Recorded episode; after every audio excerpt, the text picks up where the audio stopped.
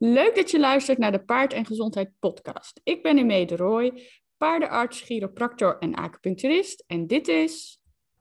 Ik ben Iris van Gulek en ik ben ook paardendierarts. En Mee en ik hebben samen gestudeerd.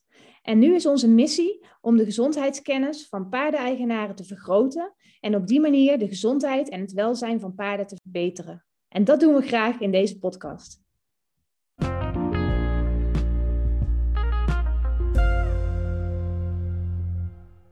Nou, waar we het vandaag over gaan hebben, mee. Ik heb het echt mega vaak gezien de afgelopen weken, maanden. Echt, ook, ja, ik snap het soms ook gewoon niet. Want dan denk ik, joh, bel de hoefsmid even. Dan ziet het er niet zo verschrikkelijk uit. Uh, zorg dat je het oplost. Maar hoefsmeden zijn ook schaars op dit moment. Ja, overal volgens mij, landelijk. Ja, dus iedereen waarvan ik dan zeg, oeh, misschien moet hij even naar de hoefsmid, zegt ook heel lief tegen mij van, joh, uh, de hoefsmid is al uh, vier weken geleden gebeld. Ja. Dus, um, er moeten meer mensen hoefsmid worden. Laten we daarmee beginnen. Maar daar gaan we het vandaag niet over hebben. Nee, precies. Er moeten meer mensen gaan bekappen en smeden. Ja, nee, maar we gaan het inderdaad hebben over brokkelhoeven. Die denk ik heel Nederland heel veel heeft gezien de afgelopen tijd, afgelopen zomer. Ja, het is echt een mega droge zomer geweest natuurlijk. Ja. En in de zomer brokkelen ze sowieso uh, ja, sneller af dan uh, in de winter. Ja. Um, en dat is super lastig. En weet je wat het ook zo is? Dat er heel veel onwaarheden op internet staan. Dus mensen weten ook helemaal niet meer ja, wat ze moeten doen, wat brokkelhoeven nou precies zijn en hoe je het kunt voorkomen. Dus daar gaan we het over hebben. Precies, ja, inderdaad. Uh, nou ja, moeten we nog uitleggen wat brokkelhoeven precies zijn? Ik denk dat mensen het zich wel enigszins kunnen voorstellen als ze het nog nooit hebben gezien. Uh, maar eigenlijk wil het gewoon zeggen dat er stukjes van de hoef uh, afbreken. Dus dat je dan zo'n heel onregelmatig gebrokkeld hoefje overhoudt. Ja. ja, en wat denk ik wel slim is om te zeggen, dat het eigenlijk gebeurt als de hoefwand zelf te lang is. Ja. Um, en dat die niet netjes afgerond is. En er komt dan heel veel druk op die hoefwand te staan.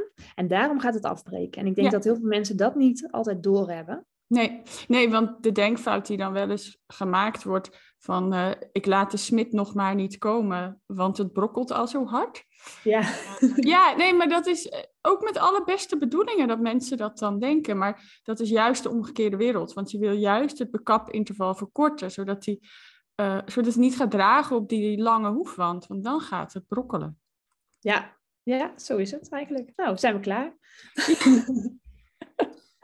nee, ja, en we zien het dus veel meer in de zomer, omdat de hoeven dan ook veel harder zijn. En een groot ding, in de zomer groeien de hoeven ook veel harder. En dat heb je misschien als eigenaar ook wel door, dat je soms in de, in de zomer eigenlijk vaker de hoefsmid zou moeten laten komen dan in de winter. Uh, en ja, de hoef regelt dat zelf, dus dat is gewoon helemaal normaal. Ja, precies. Ja, want dat is wat je inderdaad vaak hoort. Dus van ja, maar ik heb altijd de smid elke, nou ja, acht tot tien weken. En dan zeg ik ja, maar in de zomer is dat dus blijkbaar niet vaak genoeg. En uh, moet je dat interval misschien wel gewoon halveren. Uh, en is het elke vier uh, tot zes weken nodig, of vier tot vijf weken. Want dan kun je dus inderdaad het echt voorkomen. Ja, dat is dus het belangrijkste eigenlijk. Als je brokkelhoeven wil behandelen, dan wil je dus zorgen dat je smid echt heel vaak komt. En zoals Emme ook al zei, het is dus heel belangrijk dat die, dat interval kleiner wordt. En inderdaad, soms moet het gewoon elke vier weken. Dus elke vier weken de hoefsmid bij je paard krijgen, denk ik helemaal een onmogelijke opgave. Maar ja. je, ik zou het in ieder geval uh, proberen. En wat ik ook altijd heel belangrijk vind, of een goed idee vind, is dat mensen zelf ook die hoeven een beetje bijhouden. Ja. Um, als je leert hoe je zelf die hoeven bij kan veilen, of in ieder geval de losse randjes uh, en de, de scheurtjes en zo uh, netjes kan wegwerken, dan helpt dat ook al heel veel. Ja, precies. Ja.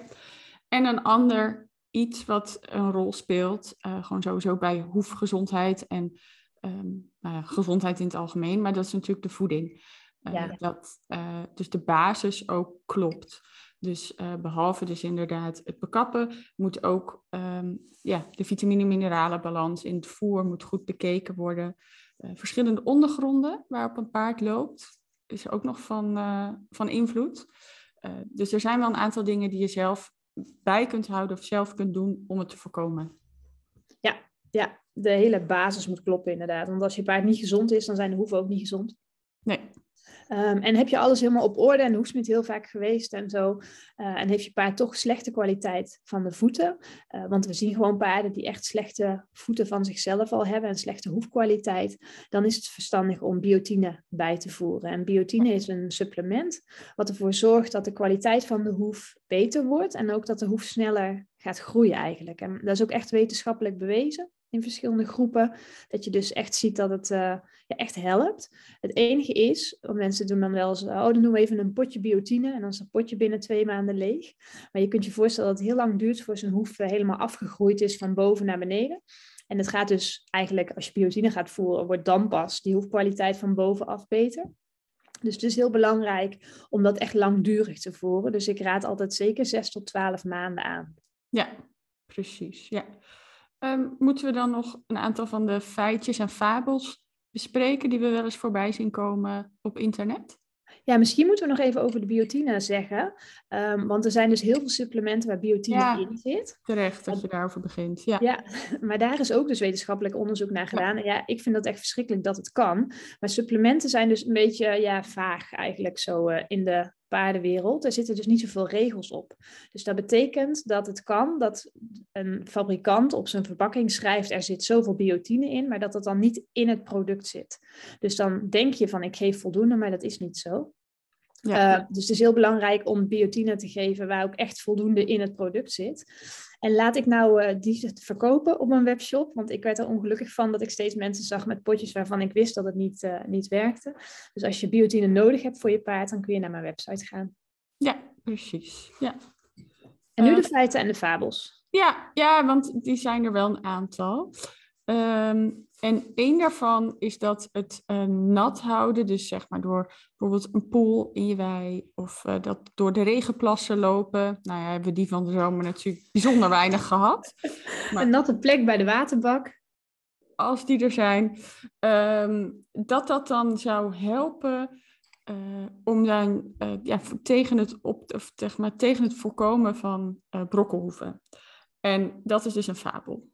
Ja, dat Want de, het vochtigheidsgehalte van de hoef, dat is van binnenuit uh, geregeld. Dus het is niet zo dat als je aan de buitenkant dan water uh, toevoegt, of, of, dat dat dan uh, enigszins van invloed is. Nee, daar hebben ze inderdaad ook wetenschappelijk onderzoek naar gedaan. Veel wetenschappelijk onderzoek, hè? Wel leuk vind ik altijd, om dat soort dingen dan te lezen. Um, dus ook al doe je speciale hoefschoenen aan die dan zorgen dat het vochtgehalte zouden, zou stijgen in die hoef, dat verandert dus niet uh, voldoende jammer genoeg. En die wand blijft dus even droog eigenlijk. En uh, daardoor blijft hij dus ook uh, afbrokkelen. En wat wel gebeurt, is, hebben ze ook aangetoond, is dat de zool wel zachter wordt. maar dat wil je eigenlijk niet. Want als die zool zachter wordt, heb je weer meer kans dat er zoolkneuzingen ontstaan en zo. Dus uh, dat extra nat maken, dat eh, zou ik gewoon niet doen. Nee, en het zijn juist ook de lange stukken hoefwand die afbrokkelen. Hè? Mm -hmm. En dat, daar ja. heeft het dus geen invloed op. Dus nee. uh, uh, regelmatig bekappen, nogmaals. gouden, de gouden regel van vandaag. Ik zei in het begin al, we kunnen stoppen. Ja, precies, had gekund. Ja, nee. Maar nog eentje die je vaak uh, hoort en wat ook met de beste bedoelingen wordt gedaan, is het invetten ja. van Hoeven. Misschien kun jij daar wat over zeggen. Ja, zeker. Ja, ik had het van de week nog op uh, mijn account op Instagram gezet. Um, dat het niet helpt. En toen kreeg ik meteen een berichtje van iemand van... Ja, maar mijn hoefzwit zegt met lauriervet. Dat helpt echt. Nee, dat helpt ook niet. Um, het idee is namelijk dat die hoeven zo stevig en, en afgesloten zijn... dat dat vet er niet intrekt. En dat wil je natuurlijk ook niet. Want het zou heel slecht zijn als die hoeven van alles op zouden nemen. Dat is hetzelfde als dat je eigen nagels van alles op zouden nemen. Als jij je vingers in een badje met olie doet... dan gaat het niet in je nagel zitten, zeg maar. Je hand en je huid wordt al zachter, maar de rest niet. Nee. Um, dus laat je vooral niet misleiden door allerlei middeltjes en, en dingetjes die je op internet kan kopen om op je hoeven te smeren om uh, brokkelen te voorkomen. Want het gaat er gewoon niet in. Dus daar kun je je geld echt uh, in besparen. Ja, precies. Nou ja, en we hebben het al over biotine gehad. Uh, want biotine ja. versterkt dus de hoeven, dat is een feit. Um, maar dat is dus niet het enige redmiddel. Het is dus niet zo dat dat als enige uh, het op gaat lossen. Want als je alleen biotine voert en niet uh, vaker uh, bekapt en niet zorgt dat de rest van je voeding uitgebalanceerd is, dat je paard ook voldoende beweegt. Die hebben we nog niet genoemd, maar voldoende beweging, zodat het hoefmechanisme zijn werk kan doen. Dus je paard niet 23 uur per dag in de box laten staan. Als allemaal dat soort ja, voor heel veel factoren, maar ook voor dit. maar als dat soort dingen allemaal niet kloppen, dan ja, kun je bij wijze van spreken de biotine jezelf ook nog besparen. Want je moet alles aanpakken. Ja, totaalplaatje, hè?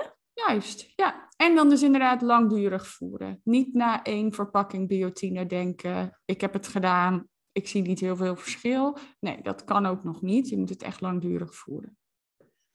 Ja, ik denk dat het een mooi is om mij af te sluiten. Ja, precies. Nou, dat dus hoop ik de linkje, het linkje naar mijn uh, biotine even in de show notes zetten. En de show notes zijn dus, uh, is het tekstje wat je op je app erbij kan lezen. Dat wist ik ook niet vroeger. Toen dacht ik, show notes. Wat bedoelen ze? Fancy. Maar dat kun je dus lezen als je de podcast aanklikt, zie je een klein tekstje en daar zit er het linkje in. Ja, helemaal goed. Nou, dan... Uh, mensen het daarin vinden. Prik ik je weer een andere keer. Ja, oké dan. Hey, doei. Doei.